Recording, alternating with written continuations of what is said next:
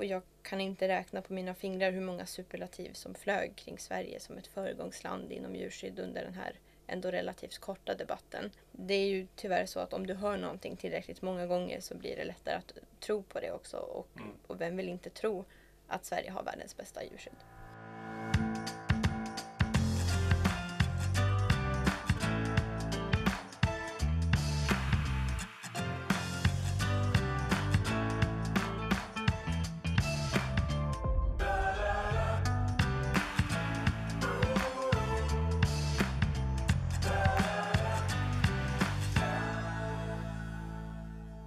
Hej och hjärtligt välkomna till Djurens Rätts podd på Djurens Sida. Idag är vi tillbaka och ska diskutera aktuella händelser i politiken som påverkar djuren. Det är med mig, Matilda Kylefors, som arbetar som politisk sakkunnig på Djurens Rätt och med Med mig, Sebastian Wiklund, samhällspolitisk chef hos oss på Djurens Rätt. Vi kör den här konstellationen med oss två i podden var fjärde vecka. Genom att eh, följa oss så kommer du att få lite extra koll på svensk, europeisk och i viss mån kommunal djurpolitik. Men då så, hur har din eh, tid varit sen sist Matilda? Jo, men den har varit bra. Eh, vi har ju en aktivitetstävling på jobbet just nu som jag känner har hjälpt mig att kickstarta den här våren på ett bra sätt. Så jag har planterat massa grejer på min balkong, eh, börjat passa en hund under de dagar då jag jobbar hemifrån och i förrgår så tog jag en lång promenad där jag fick se en bäver simma i full fart genom Fyrisån i Uppsala där jag bor. Så att det hände mycket bra grejer och eh, den 14 maj, alltså dagen efter det här avsnittet släpps, så är det ju Eurovision Song Contest. Men det hoppas jag att alla redan hade koll på. Eh, så att inget att klaga på, förutom att jag önskar att jag kunde bli kvitt min pollenallergi som gör sig lite väl påmind just nu. Eh, men på jobbet så har jag den senaste tiden hunnit bli varm i kläderna och fokuserat mycket på att strukturera upp arbetet framöver och få saker i rullning. Hur vi ska lägga upp arbetet inför valet, eh, vad som ska hända under Almedalsveckan eh, och sånt där. Och sen har jag haft ögonen på det som jag har valt att djupdyka i under detta avsnitt, vilket är en djurskyddsdebatt i riksdagen och ett andra krispaket till jordbruket. Du då? Hur är det med dig och vad har du fokuserat på sedan sist? Jo tack, ja men det är bra med mig också. Även jag är ju med i den här aktivitetstävlingen här på jobbet. Men vi är ju inte i samma lag du och jag Matilda. Nej, men, eh. Vi, får, vi tävlar mot varandra. Och jag ska ju springa, springa en halvmar här på Kungsholmen i Stockholm till helgen faktiskt. Jag har laddar lite för det. Det ser jag fram emot. På jobbet annars har det varit eh, flera bollar i luften som du säger. Eh, valrörelsen är ju igång så att säga. Det handlar mycket om valet, förberedelser kring det. Men en sak som jag kan nämna för att knyta an till det där förra avsnittet som, där du pratade eh, Matilda, gäller burägg. Det är så att jag nämligen modererade ett webbinarium förra veckan på temat om hönor i bur. Och det ligger ute på vår Youtube-kanal, så det har jag arbetat lite med. Och jag tycker att det blev bra, så att, gå gärna in och lyssna på det där avsnittet. Det är ett tips till, till er som lyssnar på podden.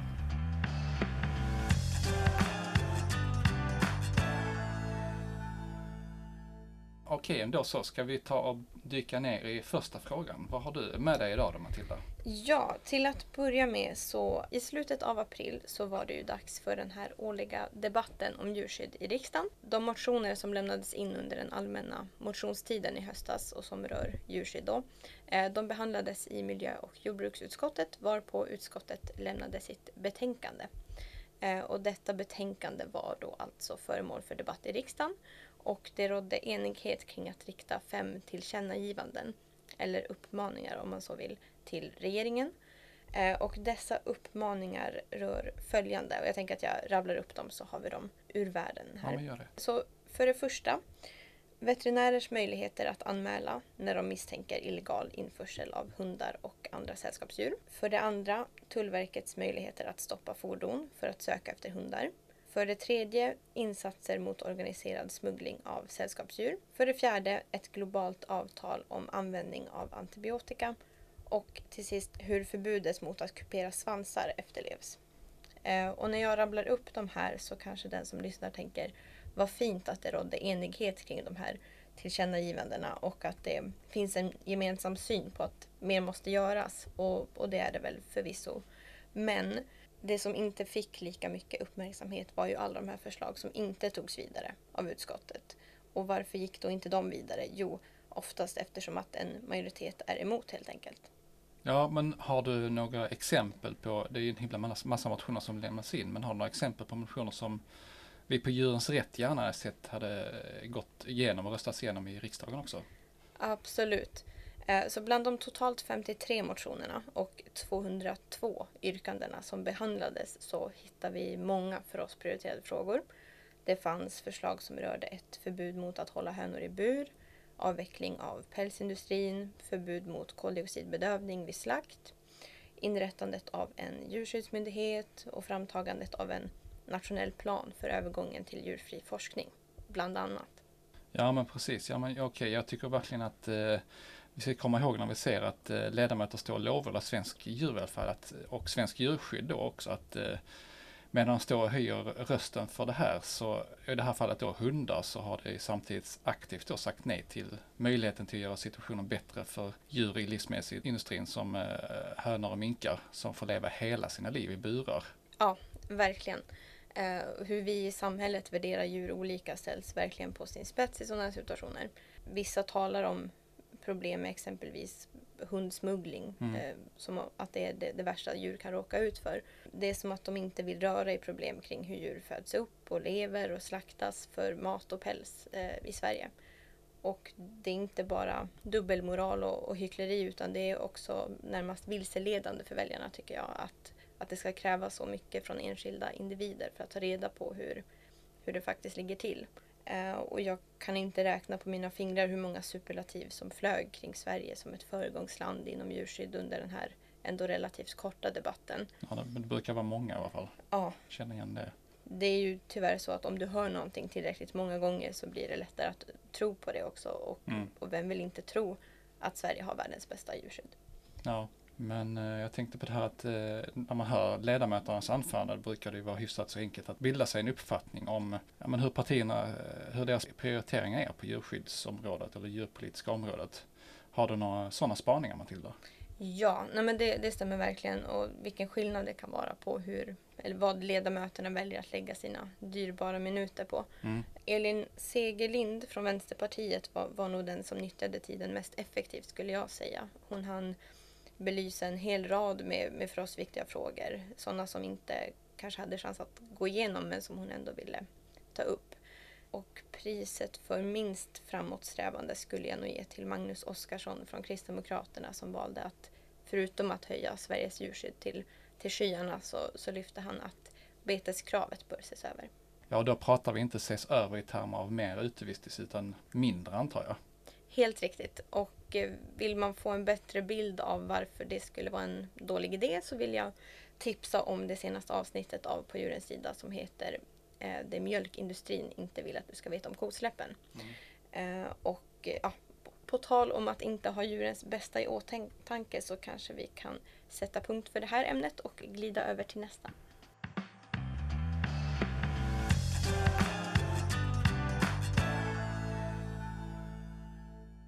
Någonting annat som har hänt den senaste tiden är att regeringen eh, den 25 april kom med nyheten att de i en överenskommelse med Centerpartiet har enats om att lägga fram ett andra krispaket med anledning av Rysslands invasion av Ukraina. Och det var varken oväntat eller en dålig nyhet i sig. Men det som är tråkigt är att se hur dessa medel riktas. Mm. Ja, men jag tänkte på det första krispaketet presenteras ju i februari, låg på en miljard kronor vill jag minnas och omfattade då stöd till fjäderfä och grissektorn samt eh, en del växtföretag. Vad gäller det här nya? Eh, I det nya krispaketet så är summan den dubbla. Så 2 miljarder kronor går till jordbruket och dessutom 40 miljoner till yrkesfisket.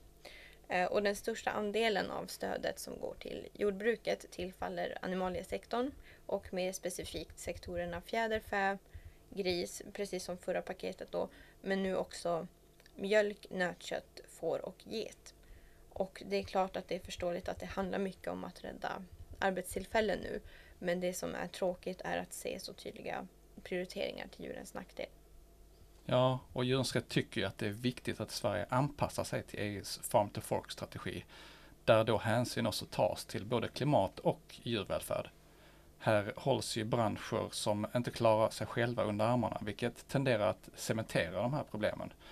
Något som borde ha lyfts är att i samband med stödet också möjliggöra omställningen till mer växtbaserat. Ja, här borde tillfället tas i akt att bredda perspektivet lite.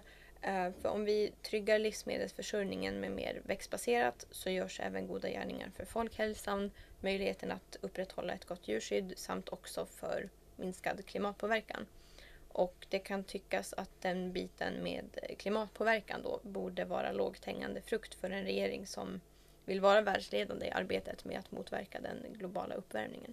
Ja, ja men jag håller med. Och jag tänker också att Sverige är förvisso bland de bästa i världen när det gäller att uppfylla FNs hållbarhetsmål, men brister tydligt gällande de målen som har anknytning till livsmedel. Och den frågan vågar ju politikerna inte riktigt ta tag i på samma sätt. Nej, och en färsk rapport framtagen av FNs mat och jordbruksorganisation lyfter fram att så mycket som 90 procent av jordbruksstöden globalt ges till miljö och klimatskadlig matproduktion. Och det här senaste krispaketet från Sveriges regering i samarbete med Centerpartiet, det verkar ju inte vara något undantag tyvärr. Men med det sagt så tycker jag att vi har byggt en fin brygga till det du har tänkt ta upp Sebastian, så vi hoppar vidare.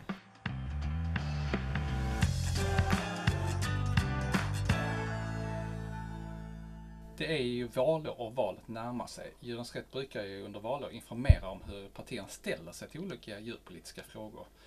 Och vi kommer ju senare att släppa information om detta under flera tillfällen fram till valet. Men jag tänker prata lite mer om vår informationssatsning som vi lanserade denna här veckan som vi kallar Valet är ditt. Och ni lyssnare som följer oss på sociala medier har säkert redan sett den här. Annars så kan jag rekommendera att gå in och kika på den. Och vi som samhällsaktör är ju såklart intresserade av att föra in våra frågor i valrörelsen. Det är ju enormt svårt och därför så behöver vi er hjälp för att sprida budskapet. Prata med folk i er omgivning. Uh, fokuserar vi i valet särskilt mycket på någon speciell fråga? Ja men det skulle jag säga. Valet är ditt handlar ju om att eh, politiken ska göra det lättare att välja rätt. Det vill säga då växtbaserat, som vi tänker.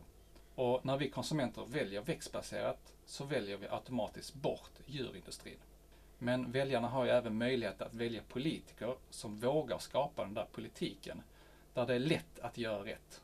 Därför så riktar vi in oss till väljare för att påminna dem om att valet är ditt att välja rätt politiker. Vi vill påminna väljarna om att det är ett politiskt val att förenkla för växtbaserad mat. Det finns ju fler vägar, att, vägar till rum som det brukar heta. Med det så menar jag att det finns fler vägar för att ställa om sitt stöd. Men ett kortsiktigt mål som politiken borde anta är att allt stöd till mat, alltså hela kedjan, ska förhålla sig proteinneutralt. Som det är idag så går ju uteslutande, eller det mesta utav stödet till animalieindustrin. Och jag tycker inte att det är rimligt att vi som väljer växtbaserat ska via skattesedeln senare också finansiera och rädda djurindustrin. Det är rimligt att även växtbaserat proteiner får en push för att kunna vara en del utav den mat vi lägger på tallriken. Mm. Så vår uppmaning är att eh, politiskt trycka på för att stödet för växtbaserade näringar ska öka och göra det lättare för befolkningen att välja växtbaserat. Och anledningen är att djurindustrierna är ohållbara för djuren. Ja men precis, det är det som är grejen. Det är ju ohållbart för djuren. Stor intensiv djurhållning är ju på alla sätt ohållbart. Det är också ohållbart för klimatet, vilket hos allmänheten är en större fråga. Så att det finns ju fler vinklar. Mm. Hur landade Djurens Rätt i, i detta tema då? Ja, jag tror idén uppstod här på kontoret när vi hade sett en agendadebatt i SVT om klimatet, som lyssnarna kanske minns, för en tid sedan. Vi såg då hur, hur eftergivna många politiker var i den här frågan. I princip så vågade ingen ta tag i debatten om köttkonsumtion, även om det påverkar klimatet. Och det var ganska frustrerande minns jag, men den frustrationen omvandlar vi nu till positiv energi i oss rätt. Vi tänker ju ofta att vi behöver ta de där frågorna som ingen annan vågar ta och som gör störst skillnad för flest djur. Och att ställa krav för att öka andelen växtbaserat menar jag verkligen är en sån fråga. Mm. Nej, men det där är intressant och jag minns den där debatten också. När det blev eh, rött kort från forskarna i kategorin matutsläpp. Det var bara en av, av de fyra politikerna som tillfrågades som, som räckte upp handen på frågan om det är nödvändigt att eh, minska köttkonsumtionen. Mm. Ja men sen så ska det också läggas till att vi verkligen tror att vi segrar i den här frågan. Alltså vi kommer att skopa ut stora delar av djurindustrin inom en inte alltför avlägsen framtid. Den ligger för långt bort såklart. Men i alla fall, det kommer den här omprioriteringen tror jag. Växtbaserade alternativ växer ju fram och inom några år så kanske det till och med ska kunna gå att köpa odlat kött. Och med tiden så tror jag även att det kommer att bli mer prisvärt. Teknik slår ju politik, sa finansmannen Jan Stenbeck. Och jag tror också det i det här fallet. Tyvärr är politiken idag en bromskloss för denna nya industri. Politiken borde alliera sig med tekniken istället.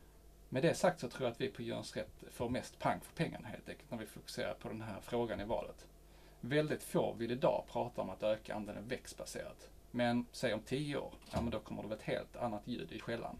Och då kan vi vara stolta över att vi tillhör det, det gänget som var först och drev detta här stenhårt. Och att vi har varit med att minska djurlidandet, vilket såklart är hela vårt syfte. Mm. Men vad säger allmänheten då? Finns det något stöd för det här? Ja, men intressant fråga du ställer här. Vi har ju en nyhet ute nu om detta här. Vi lät ju Novus titta på detta och ta in statistik från allmänheten. Frågan löd, tycker du att livsmedel av växtbaserat ursprung, såsom grönsaker och vegetarisk mat, borde kunna få lika mycket skattefinansierat stöd som livsmedel av animaliskt ursprung, såsom kött, mjölk och ägg? Vad blev resultatet då? Ja, men hela 63 procent svarade ja att växtbaserat och animaliskt bör få lika mycket skattefinansierat stöd i de olika branscherna. Bland rödgröna svarade de i högre andel ja och bland högerpartierna i högre andel nej. Mm. Det är ju en ganska hög siffra ändå. Ja, men det tycker jag också och siffran kan ju sättas i relation till hur politiker agerar eller tar tag i den här frågan. Bara ett fåtal partier problematiserar i köttkonsumtionen. Det är MP och V Många politiker uttrycker att de inte vill skapa en politik som påverkar vad folk lägger på tallriken. Men det där är ju konstigt det argumentet för subventionerna går ju till eh, köttindustrin så det är väl att påverka om, om någonting. Ja absolut, ja men jag håller med. Det är ju verkligen ett eh, märkligt resonemang som de får svara på vid ett annat tillfälle tänker jag. Men som sagt, till våra följare. Vi är igång med valinformation. Vi driver på för att växtbaserat ska upp på den politiska dagordningen. Vad kan våra lyssnare då göra? Ja, just nu skulle jag säga skriva eller kontakta din politiker. Fråga efter deras politik för att stödja mer växtbaserat. Ja, men vet vi då hur politikerna ställer sig i frågan om mer växtbaserat? Ja, vi håller ju på att undersöka och vi kommer att eh, under arbetets gång senare att också inom vår valinformation fylla på med grejer eh, fram till valet och vi kommer att ta reda på detta här. Hur ställer sig då politikerna till att öka andelen växtbaserat? Ja, men vi håller på att granska partierna och när vår partigranskning lanseras lite längre fram så kan ni senare också se hur de svarar på de här olika frågorna. Därefter kan du som lyssnare själv ta ställning till vem som du tycker svarar bäst och lägga din röst på denna. Viktigt att läsa själv, tänker jag. Och min rekommendation är att lägga sin röst på det parti som man tycker svarar bäst. Och kanske inte det är så att man är helt tillfreds med alla svar, men ändå den som svarar bäst. Ja, har vi någonting mer vi vill säga till lyssnarna kring just detta ämne? Ja, men det kan väl sägas att vår partigranskning innefattar ju fler frågor än eh, hur politiken ska öka andelen växtbaserat. Eh, det handlar ju också om flera av de frågorna som jag har hanterat här i podden sedan tidigare. Så att eh, håll utkik och håll öronen öppna så, så kommer detta så småningom.